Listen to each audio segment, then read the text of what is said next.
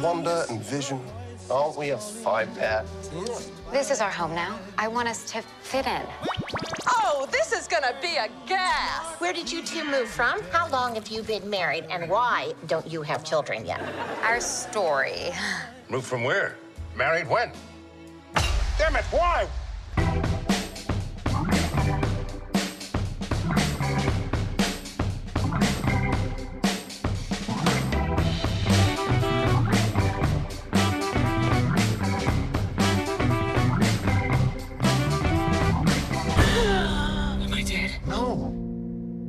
Would you think that? Because you are.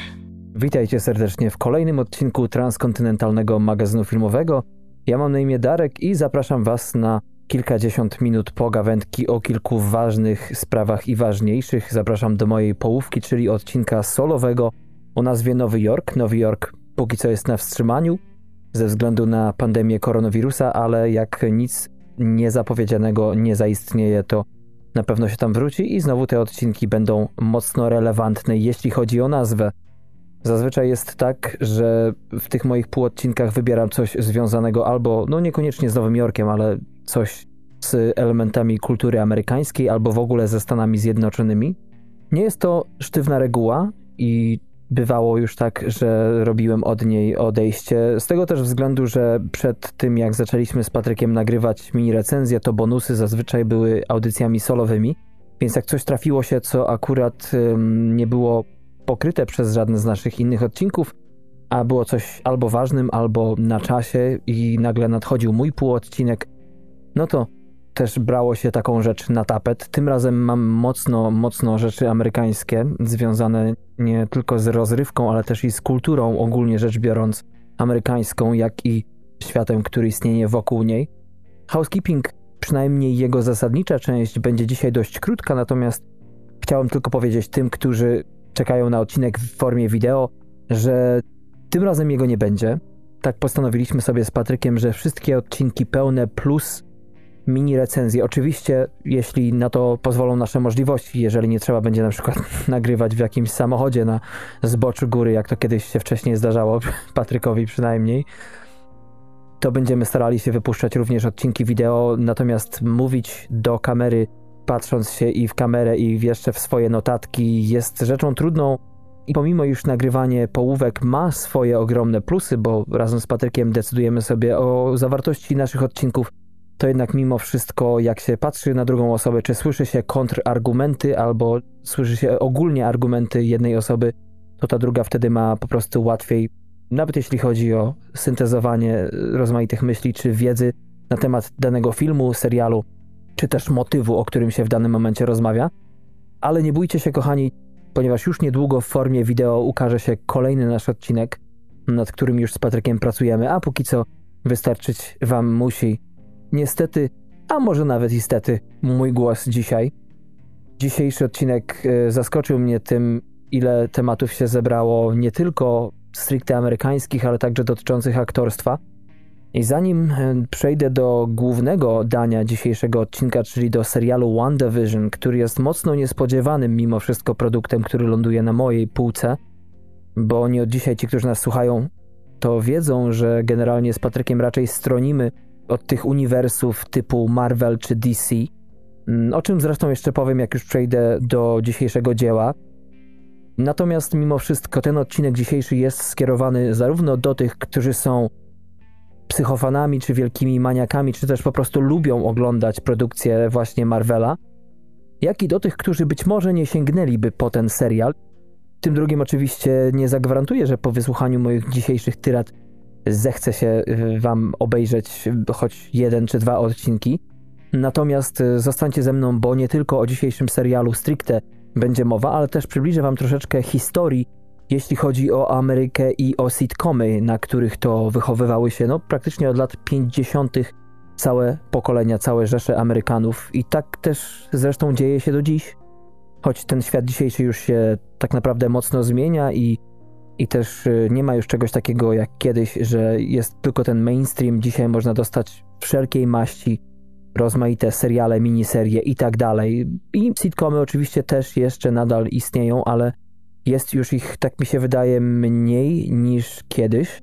Zanim do tego, kochani, przejdziemy, to chciałem tylko podzielić się z wami moimi pierwszymi wrażeniami, no pierwszymi. Ostatni odcinek tego serialu dokumentalnego wyszedł już ponad tydzień temu, więc to nie są jakieś świeże myśli. Natomiast chciałem was zachęcić przede wszystkim do tego, jeżeli macie dostęp do HBO, chciałbym zachęcić was serdecznie do obejrzenia czteroodcinkowego serialu pod tytułem Alan v. Farrow o słynnej batalii, tak naprawdę, chociaż to jest ogólnie szerszy temat przedstawiony w tym serialu, ale o batalii między słynnym nowojorskim reżyserem Woody Allenem a jego ówczesną partnerką w latach 90., w zasadzie na przełomie lat 80. i 90., czyli Mia Farrow, którzy to rozpoczęli batalię sądową po oskarżeniach reżysera o napastowanie seksualne swojej przybranej córki, o prawa rodzicielskie dla trójki dzieci, dwojga adoptowanych y, dziewczynki i chłopca oraz dla jedynego biologicznego syna Farrow i Woody'ego Allena, czyli Ronana,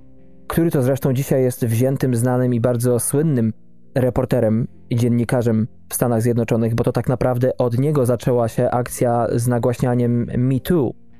I oprócz tego miał również wpływ na swojego ojca, to znaczy na to, co stało się z Woodym Allenem, przynajmniej jeśli chodzi o blask Jupiterów w ostatnich latach w Stanach Zjednoczonych, bo też wystąpił przeciwko swojemu ojcu publicznie i wziął stronę w końcu, można powiedzieć, swojej siostry Dylan, która w wieku kilku lat właśnie miała być napastowana przez reżysera.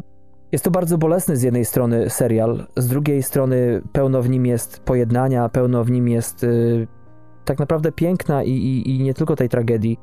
Woody Allen to facet, który można powiedzieć wychowywał sobie Amerykanów, przynajmniej spoglądając na jego filmografię przez y, dekady. Wychowywał nie tylko w sensie pokazywał, jak życie może wyglądać, ale także po angielsku ten termin nazywa się grooming, czyli można powiedzieć, że nas tak oswajał ze sobą tak naprawdę.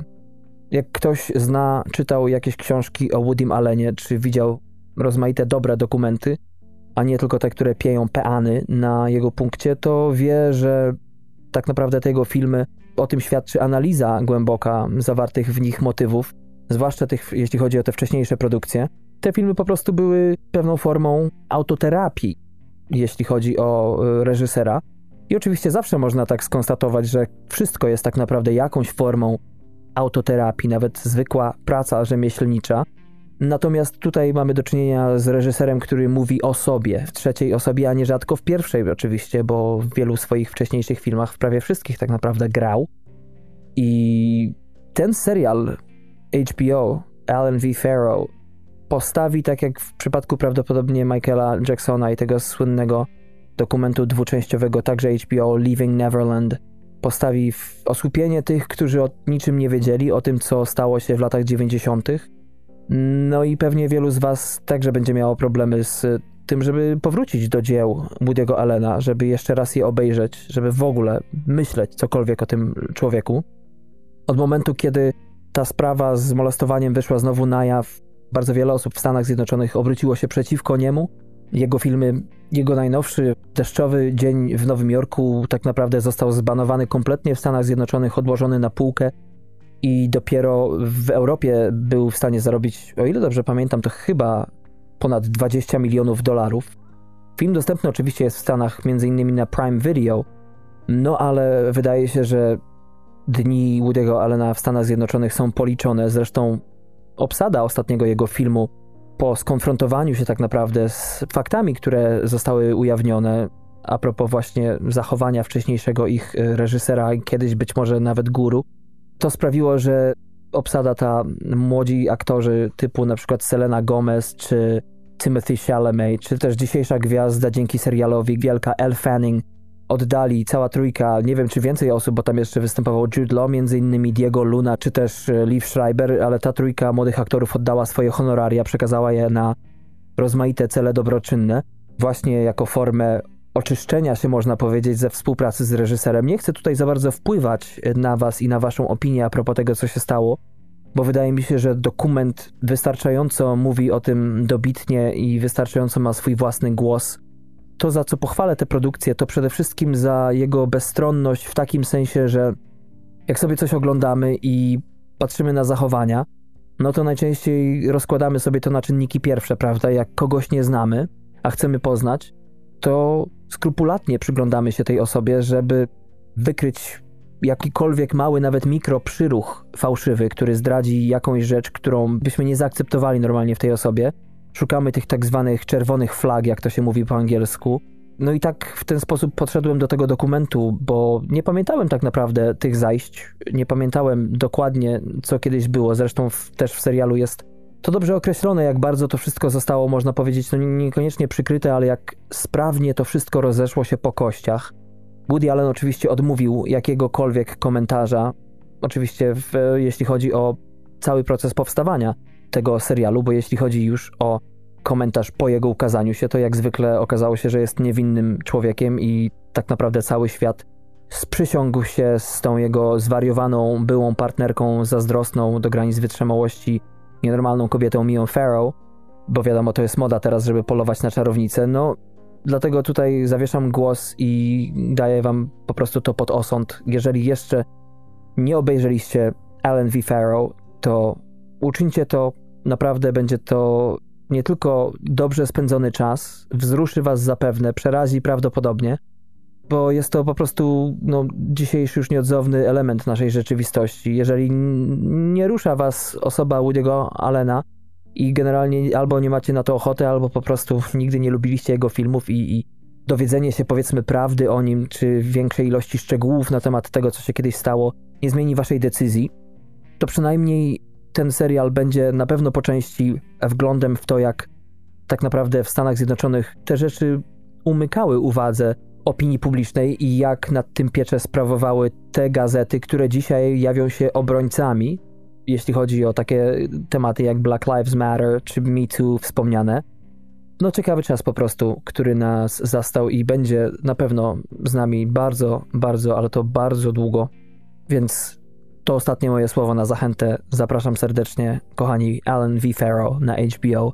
Drugą rzeczą i ostatnią, zanim, o której chcę powiedzieć, zanim przejdę do mm, dzisiejszego głównego dania, czyli One Division, jest sprawa ostatnio, która coraz ma szerszy wydźwięk w mediach w Polsce, zwłaszcza nie tylko mainstreamowych, ale przede wszystkim społecznościowych. Chodzi tutaj o kwestię przemocy w świadku aktorskim Coraz więcej osób zaczyna się wypowiadać na ten temat bardziej znanych i Dawid Ogrodnik z tych największych nazwisk ostatnio również wysunął oskarżenie i można powiedzieć nareszcie coś takiego się dzieje. Pamiętam jak zdałem już do szkoły aktorskiej w Stanach Zjednoczonych, nawet wcześniej nawet jak zdawałem do szkół w Polsce jednego roku i nie dostałem się do trzech, do których zdawałem – to w tym samym czasie zacząłem pracować w Gdańsku jako barman i do tego baru bardzo często przychodzili właśnie aktorzy miejscowego teatru Wybrzeże. Niektórzy z nich nawet e, byli bardziej niż lokalnymi gwiazdami, czy przynajmniej aktorami, artystami, bo grali również w serialach, jak i w filmach w Polsce. I zaczęła się spowiedź tak naprawdę. Od dawna wiadomo, że aktorzy lubią przesiadywać w barach, zwłaszcza w Polsce jest to po prostu, można powiedzieć, forma terapii czy rozrywki, bo ten zawód też do łatwych nie należy, a poza tym aktor mimo wszystko jest też człowiekiem i ma swoje problemy i niestety bardzo wielu aktorów potrafi świetnie grać, ale nie każdy nadaje się do tego zawodu. I wracając do mojej historii i do tego tak naprawdę mocno patologicznego jednak pod pewnymi względami świadka aktorskiego w Polsce, to muszę powiedzieć, że będąc wtedy barmanem i mając swoich regularnych klientów, aktorów, sporo się nasłuchałem, będąc trzeźwym, słuchając ludzi, którzy sączyli kieliszek po kieliszku różnych opowieści, głównie nie jeśli chodzi o teatr w Wybrzeże w Gdańsku, ale jeśli chodzi o ich drogę do tego teatru, drogę do zawodu, czyli o ich czasach w szkole aktorskiej. I to były różne szkoły, i w Warszawie, e, niektórzy z nich byli i w Łodzi, i we Wrocławiu, i w Krakowie. I ktokolwiek by mi się nie spowiadał, to wychodziło po prostu to, jak bardzo ta szkoła aktorska z jednej strony jest podobna do wojska, bo istnieje tam coś takiego na pierwszym roku jak fuksówka. Nie wchodząc tutaj mocno w szczegóły, jest to coś takiego jak fala, można powiedzieć, w wojsku i student pierwszego roku szkoły aktorskiej, przynajmniej kiedyś, był nadal traktowany jako kandydat na studenta, a nie de facto student. Poczytajcie, możecie sobie wygooglować ten termin fuksówka, to dowiecie się więcej. Natomiast y, też z drugiej strony słuchałem opinie moich y, znajomych aktorów już wtedy, którzy Mówili o tym, jak olewali często te zajęcia, jak dużo alkoholu piło się wtedy przed zajęciami, zwłaszcza. ile razy to słyszałem, że na poezję w poniedziałek o 8 rano cała grupa stawiała się nietrzeźwa, jak to się piło na dachu uczelni i tak dalej. Jak to też dziwne relacje łączyły niektórych studentów z niektórymi profesorami, jak to dziwna atmosfera potrafiła się wytwarzać na roku. Sam byłem tym mocno zdumiony i w momencie, kiedy jeszcze nie zdawałem do szkoły aktorskiej w Stanach, to już zacząłem się po prostu bać. Naprawdę bać na takim podstawowym poziomie tych opowieści i tego, że jest tak mało tych szkół i takim jednak mimo wszystko z jednej strony osiągnięciem jest dostanie się na daną uczelnię, że no potem jak człowiek się już dostanie i będzie musiał się zmierzyć z taką czy inną atmosferą, to bałem się po prostu, że moja psychika tego nie wytrzyma, bo jednak od zawsze starałem się unikać podobnych sytuacji i wolałem odejść i nie dostać się gdzieś i, i nie zdobyć tego czy innego lauru czy tytułu, żeby po prostu nie doszło tutaj do jakiegoś kompromisu z mojej strony, który potem zniszczyłby mi życie, gdybym musiał sobie o nim potem przypomnieć nagle i, i zdać sprawę, gdzie mógłbym być w tym owym moim życiu. No tak czy siak, słuchając tych opowieści i potem już zdając do szkół aktorskich, byłem w wielkim szoku, dlatego że zanim w ogóle zdawałem do tych szkół tu czy tam, to dostałem stypendium roczne w Stanach Zjednoczonych właśnie z mojego teatru, w którym razem z Patrykiem byliśmy, do Iowa właśnie, gdzie przez rok byłem świadkiem tego, jak edukuje się na poziomie licencjatu, bo tutaj tak aktorstwo właśnie działa, nie ma de facto szkół aktorskich jednopoziomowych, tylko jest licencjat i można pójść na licencjat, a potem tak jak ja w 2011 roku zdawać na magisterkę dwu czy trzyletnią, teraz już tylko trzy. No ale generalnie słuchając tych opowieści polskich moich przyjaciół, aktorów, przypominałem sobie to, czego ja sam doświadczyłem w Iowa i był to zupełnie, ale to zupełnie inny świat. I tak samo było w Connecticut kilka lat później.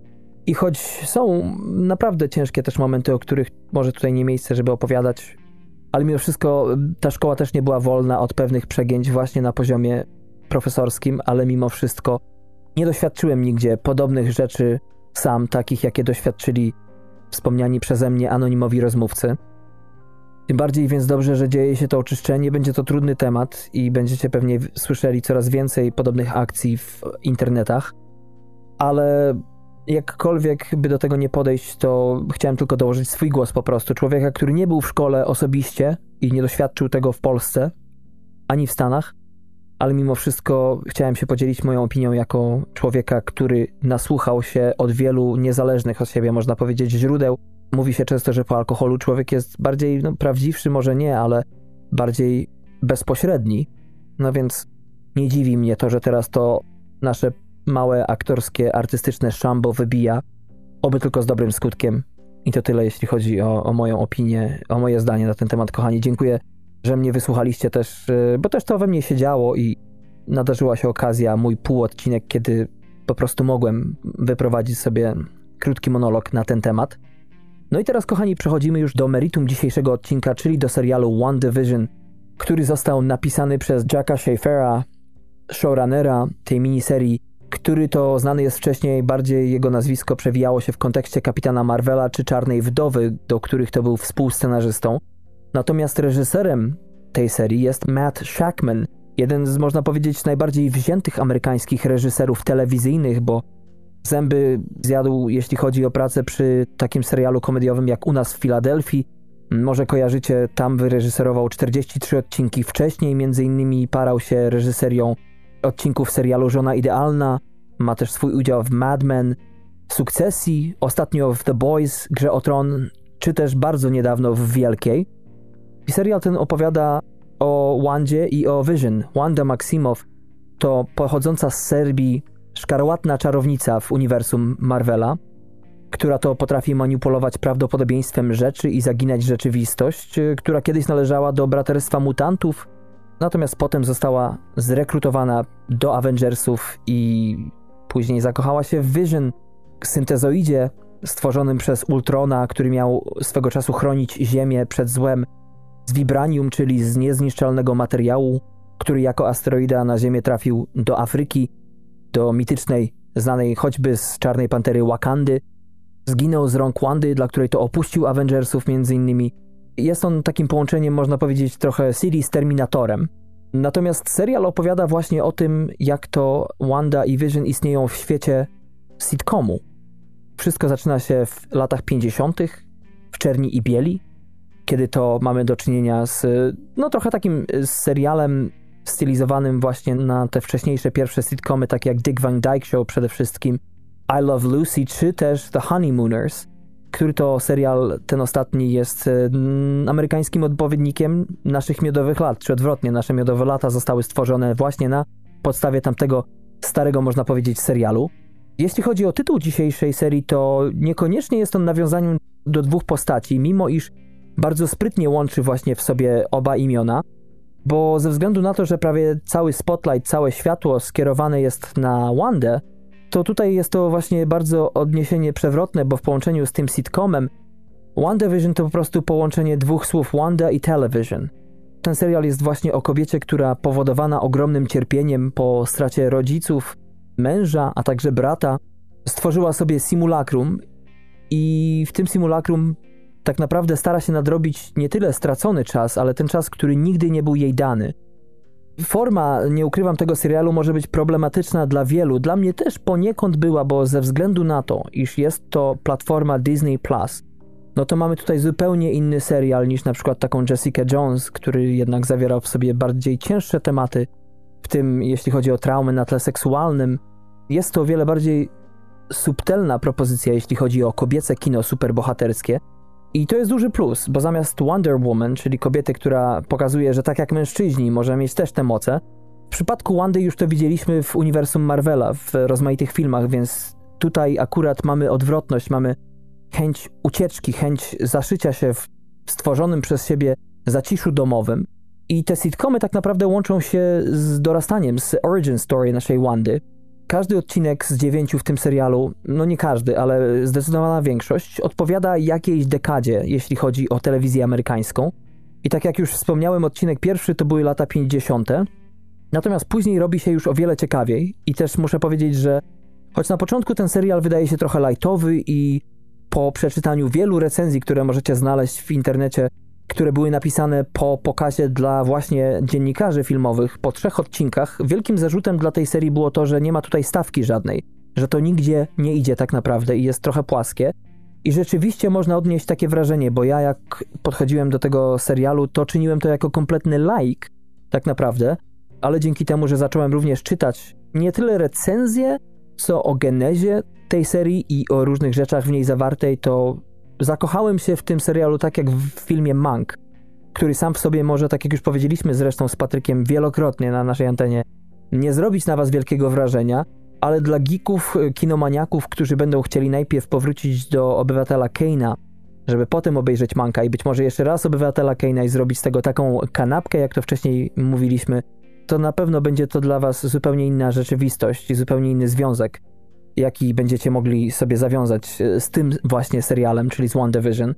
I dlatego tutaj chciałbym też nieco opowiedzieć wam pokrótce o tym, nie tyle o akcji kolejnych odcinków, co o tym, jak i do czego się tutaj odnosi ten serial, jeśli chodzi o sitcomy, bo mm, po latach 50. przyszły lata 60. i przełom z 70. Mm, wtedy to, zwłaszcza w latach 60., bodajże na początku, w prawie amerykańskim istniało coś takiego jak Hays Code, i było to rozporządzenie, które generalnie zabraniało kobiecie i mężczyźnie dzielić wspólnego łoża w telewizji, jeśli chodzi o sitcomy. I to bez względu na to, czy byli po ślubie, czy nie. I tak naprawdę zmiana, jaka dokonała się w prawie amerykańskim, w obyczajowości, nastąpiła tak naprawdę za sprawą serialu Ożeniłem się z czarownicą, który również jest tutaj bardzo obecny, zwłaszcza w drugim odcinku. Serial wychodził w latach 64-72 i tam po raz pierwszy w amerykańskiej telewizji mieliśmy parę małżeńską w jednym łóżku. Natomiast ten odcinek y, One Division to generalnie też y, jest krytyka tej telewizji, która kiedyś na początku w Stanach wychowywała ludzi nie tyle pokazując życie takim, jakie było, tylko takim, jakie powinno być. Co jeszcze ma, można powiedzieć, przełożenie na lata 70., bo w trzecim odcinku mamy nawiązanie do takich słynnych seriali jak The Brady Bunch czy The Mary Tyler Moore Show. I tutaj mamy taki ciekawy motyw w tym trzecim odcinku jak ciąża w telewizji. I tutaj dzieje się to wszystko poprzez właśnie takie trochę slapstickowe zasłanianie brzucha. I tak też się działo, co ciekawe, w y, latach 70. w Stanach Zjednoczonych, kiedy jakaś aktorka była w ciąży i nie zdjęto jej z obsady danego sitcomu, które to przynosiły ogromne zyski. Więc Zasłaniały to aktorki bardzo nieporadnie często, albo jakąś dużą wazą, albo jakąś miską z owocami, albo stawały po prostu za jakimś przedmiotem, a z tego co się dowiedziałem, czytając różne rzeczy, to i tak wszyscy wiedzieli o co chodzi i było to troszeczkę takie robienie picu na wodę. No i to też jest odcinek, który można powiedzieć niekoniecznie wszystkim może podejść, bo tutaj mamy do czynienia z satyrą w stylu campy.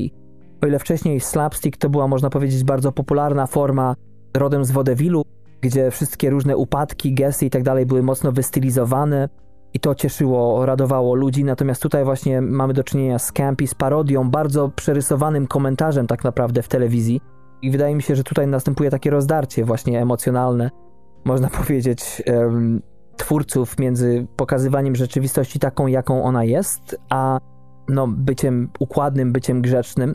W odcinku piątym natomiast tu już mamy do czynienia, można powiedzieć, z rewolucją, jeśli chodzi o świat sitcomowy, bo nie wiem, czy widzieliście na przykład takie seriale jak Family Ties z Michaelem J. Foxem, Dzieciaki, Kłopoty i My, w którym to wystąpiła późniejsza i do dzisiaj mega gwiazda światowego kina, czyli Leonardo DiCaprio, czy też na pewno wielu z Was obejrzało bardzo popularny swego czasu w Polsce serial Pełna Chata.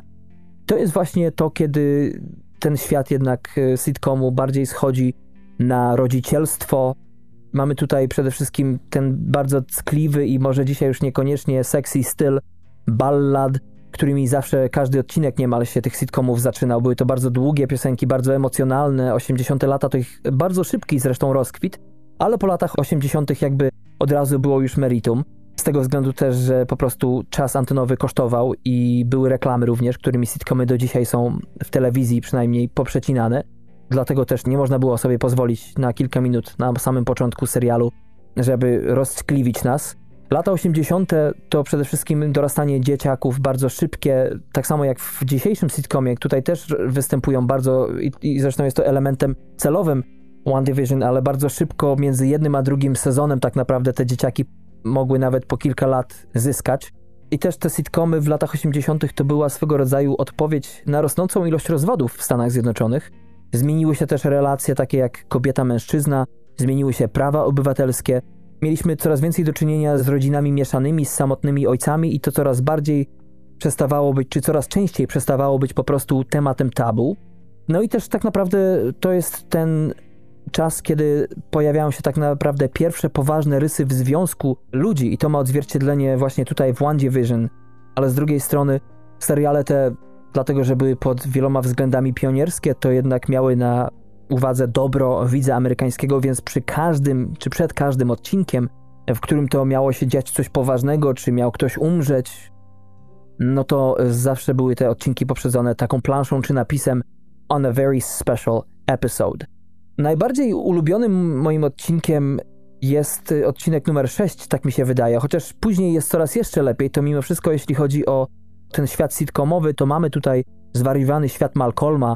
Nie wiem, czy widzieliście Malcolm in the Middle z lat właśnie 80. z Brianem Cranstonem i 90. Mamy tutaj tak naprawdę pierwszy też w One Division odcinek o jednym tylko serialu. Tutaj nie ma odnośników do wielu, jest właśnie Malcolm. Mamy jedną kamerę, Mamy sporo dziwnych, jak na tamte czasy, ujęć, przejść, mamy bardzo niekonwencjonalny montaż. Mamy również specjalny obiektyw po raz pierwszy użyty tak naprawdę na szeroką skalę w Stanach Zjednoczonych z dwoma punktami skupienia, czy ostrości można powiedzieć, dzięki czemu mamy rozmycie obrazu po środku, natomiast jesteśmy w stanie e, widzieć na pierwszym, jak i na dalekim planie bohaterów w pełnej ostrości, co też ma przełożenie na warstwę dramatyczną i jej realizację w tym odcinku. No bo mamy na przykład śpiącą osobę na pierwszym planie, a z tyłu dzieciaki mówią o niej i nagle widzimy jak ta osoba śpiąca słyszy to wszystko i kmini bez konieczności zmieniania optyki i skupienia przez y, osobę, która jest za to odpowiedzialna. Mamy tutaj więcej również y, osób czy rodzin z tak zwanej working class, czyli ludzi pracujących. Mamy po raz pierwszy dzieci tak naprawdę, które mówią do kamery, a dorośli nigdy, przynajmniej w Malcolmie, no i mamy muzykę rockową również, jest troszeczkę ostrzej. No bo lata 90. MTV wchodzi. No i ostatni odcinek, tak naprawdę, o którym chciałbym powiedzieć a propos sitcomu, to jest odcinek numer 7, z którym miałem najwięcej problemów. Jest to styl tak zwanego mockumentary, czyli tego mock dokumentu w stylu The Office czy Modern Family. I te seriale, tak naprawdę to, co wniosły do tego, jak e, pokazywana była rzeczywistość e, właśnie w sitcomach w Stanach Zjednoczonych, przede wszystkim większą indywidualność każdej postaci. Mamy też do czynienia z taką, można powiedzieć, sztuczną intymnością w formie wywiadów, kiedy te osoby normalnie ignorują, czy bardzo często kamerę wszechobecną w ich życiach, natomiast potem jest czas, kiedy one mogą sobie spokojnie wypowiedzieć się, powiedzieć to, co myślą. Oprócz tego w tym odcinku również sporo jest odniesień do takich produkcji jak Bogaci Bankruci, Teoria Wielkiego Podrywu, How I Met Your Mother, czyli Jak Poznałem Waszą Matkę, czy też Brooklyn Nine-Nine. Mamy, jak powiedziałem, krótsze intra, mamy motyw spowiedzi, mamy również, można powiedzieć, nadreprezentację problemów klasowych, także rasowych. Mamy właśnie też sporo tutaj zmieniającej się dynamiki wewnątrz, tak jak mówi tytuł serialu, na którym głównie opiera się zdecydowana większość przynajmniej stylizacji odcinka numer 7, nowoczesnej rodziny. Mamy sporo również tego reality TV, kiedy właśnie te niższe koszta produkcji powodowały, że wiele stacji decydowało się na właśnie taką, a nie inną realizację swoich serii. Mamy też większy związek widzów z postaciami i to jest akurat tutaj paradoksalną rzeczą, ponieważ czułem się bardzo odcięty od Wandy tak naprawdę, bo niby było tutaj sporo właśnie tego Modern Family, ale tamten serial jest śmieszny i ma jakąś stawkę i generalnie w ogóle się ogląda. Natomiast tutaj to mi nie do końca działało, aż do momentu, kiedy po prostu zdałem sobie sprawę, że życie głównej bohaterki po prostu rozsypuje się w większy i zupełnie inny sposób niż do tej pory w WandaVision i dlatego odczuwałem pewien dysonans i tak naprawdę odcinek siódmy to jest ten czas, kiedy naprawdę zacząłem szukać po internecie różnych mądrych artykułów na temat właśnie tego, jak czytać to wszystko w ogóle, bo z punktu widzenia rozrywki rzeczywiście było mi tutaj tego mało. Odczuwałem pewien niedosyt, bo z jednej strony mamy również, o czym jeszcze nie wspomniałem, mamy świat poza tym, gdzie mieszka Wanda i Vision. Oni mieszkają w Westview, w miasteczku w New Jersey. Natomiast poza tym okrytym tak zwanym heksagonem, czyli warstwą, przez którą nie można tak naprawdę łatwo przynajmniej przeniknąć, mamy agentów FBI, mamy tak zwany SWORD, którzy starają się uratować mieszkańców tego miasteczka, żyjących, można powiedzieć, w takiej rzeczywistości a la Truman Show, czy choćby Pleasantville, jeżeli widzieliście ten bardzo ciekawy i moim zdaniem świetnie zrealizowany czarno-biały film. I właśnie jednak mimo wszystko ta lektura różnych artykułów spowodowała, że zrozumiałem w końcu o co biega i do końca oglądałem już, może nie z zapartym tchem, bo mimo wszystko to jest Disney Plus, tak? I niestety, ale tutaj za bardzo flaków nie ma. To jednak poczułem, że, że coś mnie to nauczyło po prostu, ta seria. I tak naprawdę dlatego chciałem zrobić o tym odcinek, żeby wam po prostu pokazać, że jeżeli sięgniecie, czy już sięgnęliście po ten serial, to właśnie z tym też mieliśmy do czynienia, z wrzenieniem się Marvela właśnie w świat sitcomu i nie była to od tak tylko ciekawa zagrywka dla osób, które nie są częścią fandomu tego uniwersum. To może być to wybór mocno randomowy, zwłaszcza jak się nie zna Wandy i jej origin story, ale jak, jeśli wiecie, że ona przede wszystkim wychowała się właśnie na tych sitcomach amerykańskich puszczanych jej przez rodziców, kiedy to razem z nimi jeszcze, gdy żyli, oglądała razem z bratem, chłonęła tak naprawdę wszystkie te opowieści, ten cały amerykański sen, te Amerykane, no to tym bardziej jest, można powiedzieć, to ten wybór, ta stylizacja twórców tej serii genialna i można powiedzieć, że nie mogło być inaczej.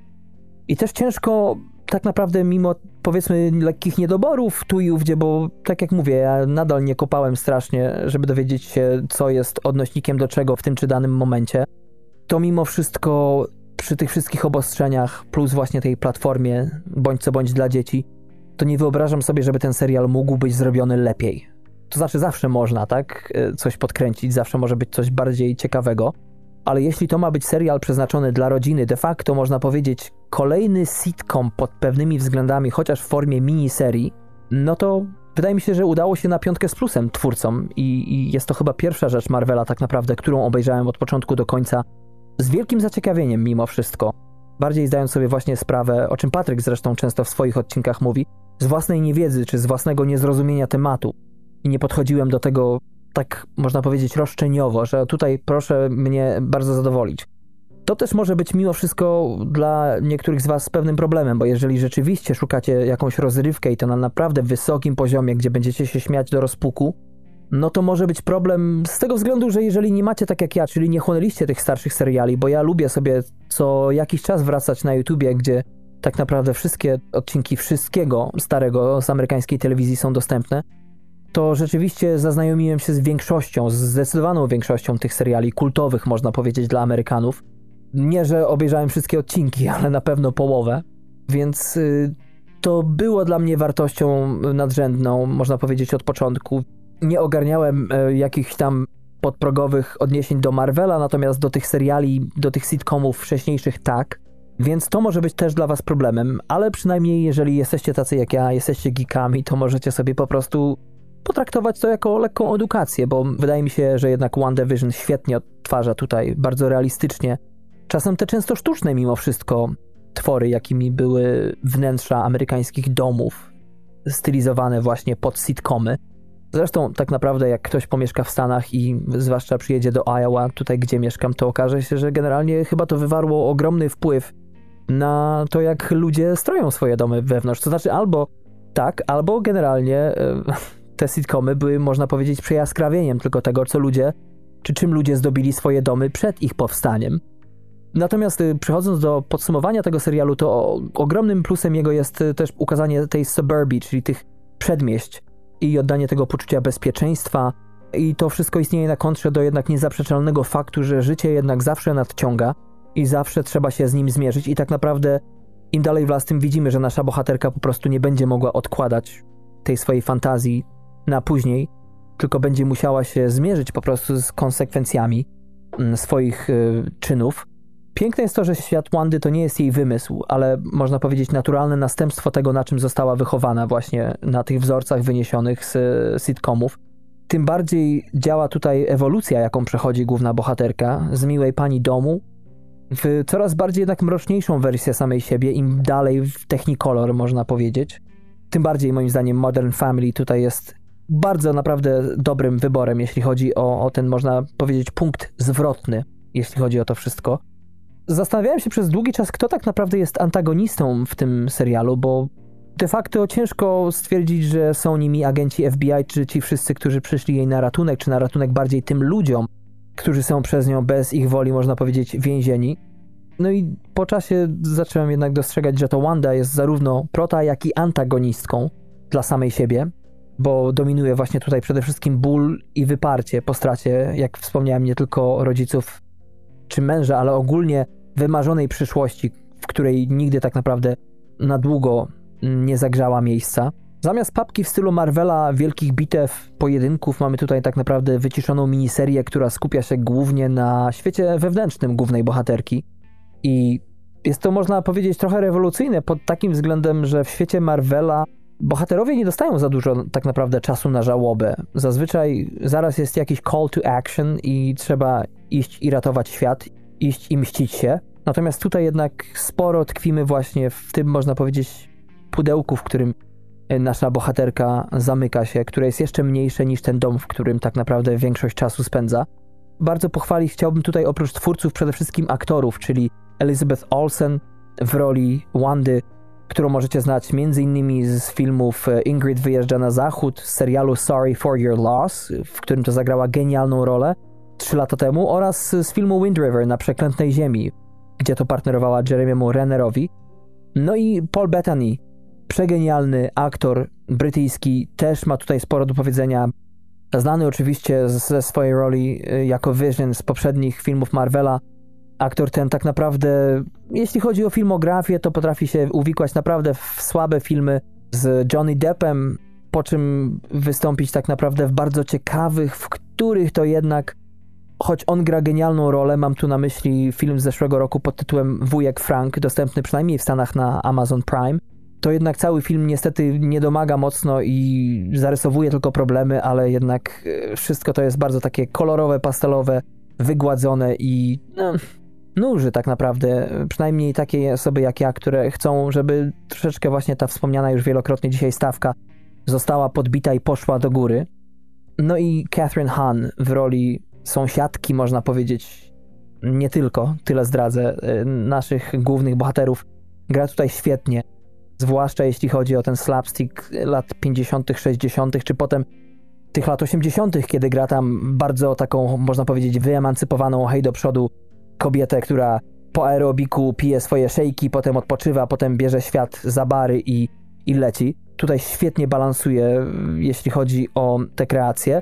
No i też kiedy staje się ciutkę bardziej, można powiedzieć, marvelowska, to też genialnie odgrywa tę rolę, bardzo poprawnie. Jest to aktorka, którą warto śledzić. Ostatnio mieliście okazję obejrzeć ją, jeżeli, jeżeli, jeżeli zdecydowaliście się na serial, o którym mówiliśmy razem z Patrykiem w To Wiem Na Pewno, genialnym serialu pod względem kreacji, przede wszystkim Marka Ruffalo. I tam w tym serialu Catherine Hahn gra jego żonę. Bardzo bolesna rola, bardzo dojmująca i dzisiejszy serial pokazuje tak naprawdę, że jest ona bezwzględnie w czołówce, jeśli chodzi o talent, tak jak i Elizabeth Olsen, jeśli chodzi o amerykańskie aktorstwo, bo te postaci mogą zagrać po prostu wszystko. Są piekielnie niesamowici technicznie, a do tego bardzo otwarci emocjonalnie i można powiedzieć, że w każdym uniwersum potrafią się bezproblemowo odnaleźć. Tak jak powiedziałem, jeśli chodzi o minusy, to ten brak stawki czasami wychodził. Takie miałem wrażenie. No i też można powiedzieć już po zaznajomieniu się z tym wszystkim, z całym sitcomem, z tymi różnymi odnośnikami, odniesieniami, które dzisiaj wam tutaj zawarłem w tym odcinku, mimo wszystko miałem poczucie, że brakowało mi trochę więcej horroru. Zwłaszcza przez to, że to jest Disney, bo było tutaj naprawdę pole do jeszcze głębszego wejścia w temat. Brakowało ciutkę tej przeciwwagi dla tej komediowej, sitcomowej porcji One Division, szczególnie jeśli chodzi o kwestię macierzyństwa, która to zresztą bardzo często jest no, w cudzysłowie wdzięcznym tematem, jeśli chodzi o horror, który to jest eksploatowany mm, w tym gatunku z wielkim powodzeniem. I tu brakowało mi troszeczkę takiego Ari Astera, można powiedzieć. Chciałem, żeby to poszło gdzie indziej, no ale na końcu, tak jak powiedziałem, Disney Plus i Ari Aster to raczej szybko się nie zejdzie, chyba że dzieci tak naprawdę dorosną nam jeszcze szybciej, czy będą dorastały niż to dzieje się, działo się w amerykańskich sitcomach w ostatnich dekadach. Oprócz tego dodatkiem, jeśli chodzi o ten serial dzisiejszy, są reklamy. Nie zawsze działają i kilka z nich wypada płasko, ale to też mniemam jest odniesienie właśnie do tych reklam z poprzednich lat. Czasami bywają śmieszne, świetnie są wystylizowane, tu muszę przyznać. Ważne jest również to, kochani, żeby obejrzeć ten serial, każdy odcinek, jeżeli się zdecydujecie do końca, bo zawsze coś tam, czy prawie zawsze, na końcu jest. Nie jest to może coś strasznie ważnego, ale jest to, można powiedzieć, nawiązanie do tego, co będzie dalej.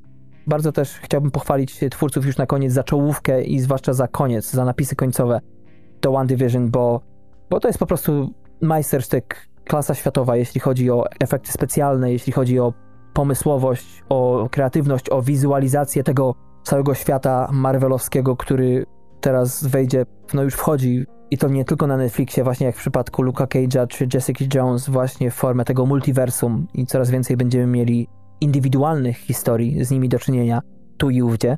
Więc y, jak to się mówi po polsku, wielkie propsy za to. I tak naprawdę to tyle, kochani, jeśli chodzi o dzisiejszy odcinek. Wystawiam temu serialowi 14,5 za to, czym tak naprawdę chciał być, bo, bo tak jak już wielokrotnie wspomniałem, przez to, że jest to rozrywka przeznaczona głównie dla rodzin, to tutaj niestety, ale nasze czy moje przede wszystkim wymagania, moje upodobania schodzą na plan dalszy i nawet gdybym chciał, jak z tym horrorem, widzieć czegoś więcej, to to nie jest zarzut, którego postawienie sprawia, że mam rację, bo po prostu wtedy no, jestem trochę głuchy na te swoje argumenty już przytoczone tutaj, czyli na to, czym ten serial tak naprawdę próbuje być. Ale tak obiektywnie stwierdzając, to, to taka czternastka mocna, mimo wszystko wystawiam temu serialowi fajne, naprawdę rozczarowanie pozytywne mocno w tym roku, zwłaszcza jeśli chodzi o właśnie ten mój taki unikany przeze mnie świat superbohaterski.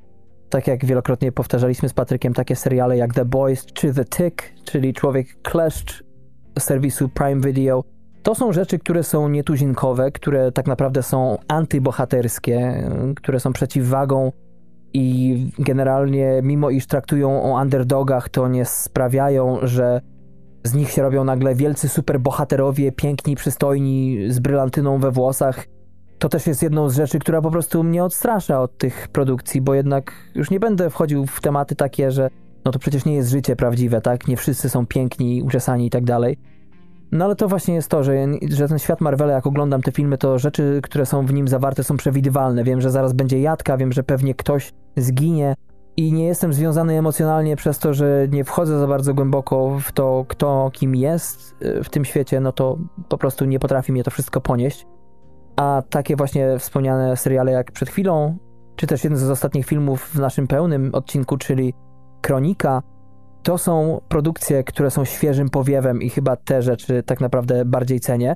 Ale tutaj przyznam się, szczególnie przed tymi, którzy nas słuchają, którzy jednak są dozgonnymi fanami właśnie wszelakich spraw superbohaterskich, że czytając tak naprawdę, zagłębiając się w fandom, czy to DC, czy to Marvela, naprawdę muszę stwierdzić, że jest to niesamowicie stworzone uniwersum. Te wszystkie genezy, te wszystkie powiązania, ta kreatywność to jest po prostu na równi przynajmniej z Grą o Tron czy z Władcą Pierścieni. No i też y, pamiętam swoje czasy komiksowe i tutaj ukłon w stronę DC bardziej, bo Marvela nie czytałem za bardzo, że jednak komiksy zupełnie inaczej mi wchodzą, jak czasami znajdę u teściów moich na strychu jakiś stary przedruk, to, to siadam i czytam i rzeczywiście to jest zupełnie inny klimat, ale tam już robi też ta kreska i ten dialog. No a filmy raczej nie. Ale to tyle, jeśli chodzi o takie moje osobiste zażalenia. Polecam kochani serdecznie i szczerze. No i oczywiście zapraszam na kolejne odcinki, tak jak powiedziałem. Transkontynentalny magazyn filmowy zaczyna wychodzić w końcu, można powiedzieć, jako również wideoblog. Jest to bardzo fajna forma rozrywki, muszę wam przyznać, bo po tym pierwszym odcinku z Patrykiem rzeczywiście czuliśmy, że to przejście było prawie minimalne, przynajmniej tak się czuliśmy, że nie było tutaj blokady jakiejś, której gdzieś się tam obawialiśmy. Natomiast e, tak szczerze, to też tutaj duże znaczenie ma to, że razem z Patrykiem uwikłaliśmy się również, można powiedzieć, taki nasz projekt najbardziej hobbystyczny, czyli w żużel, sport, który nas obu mocno rusza.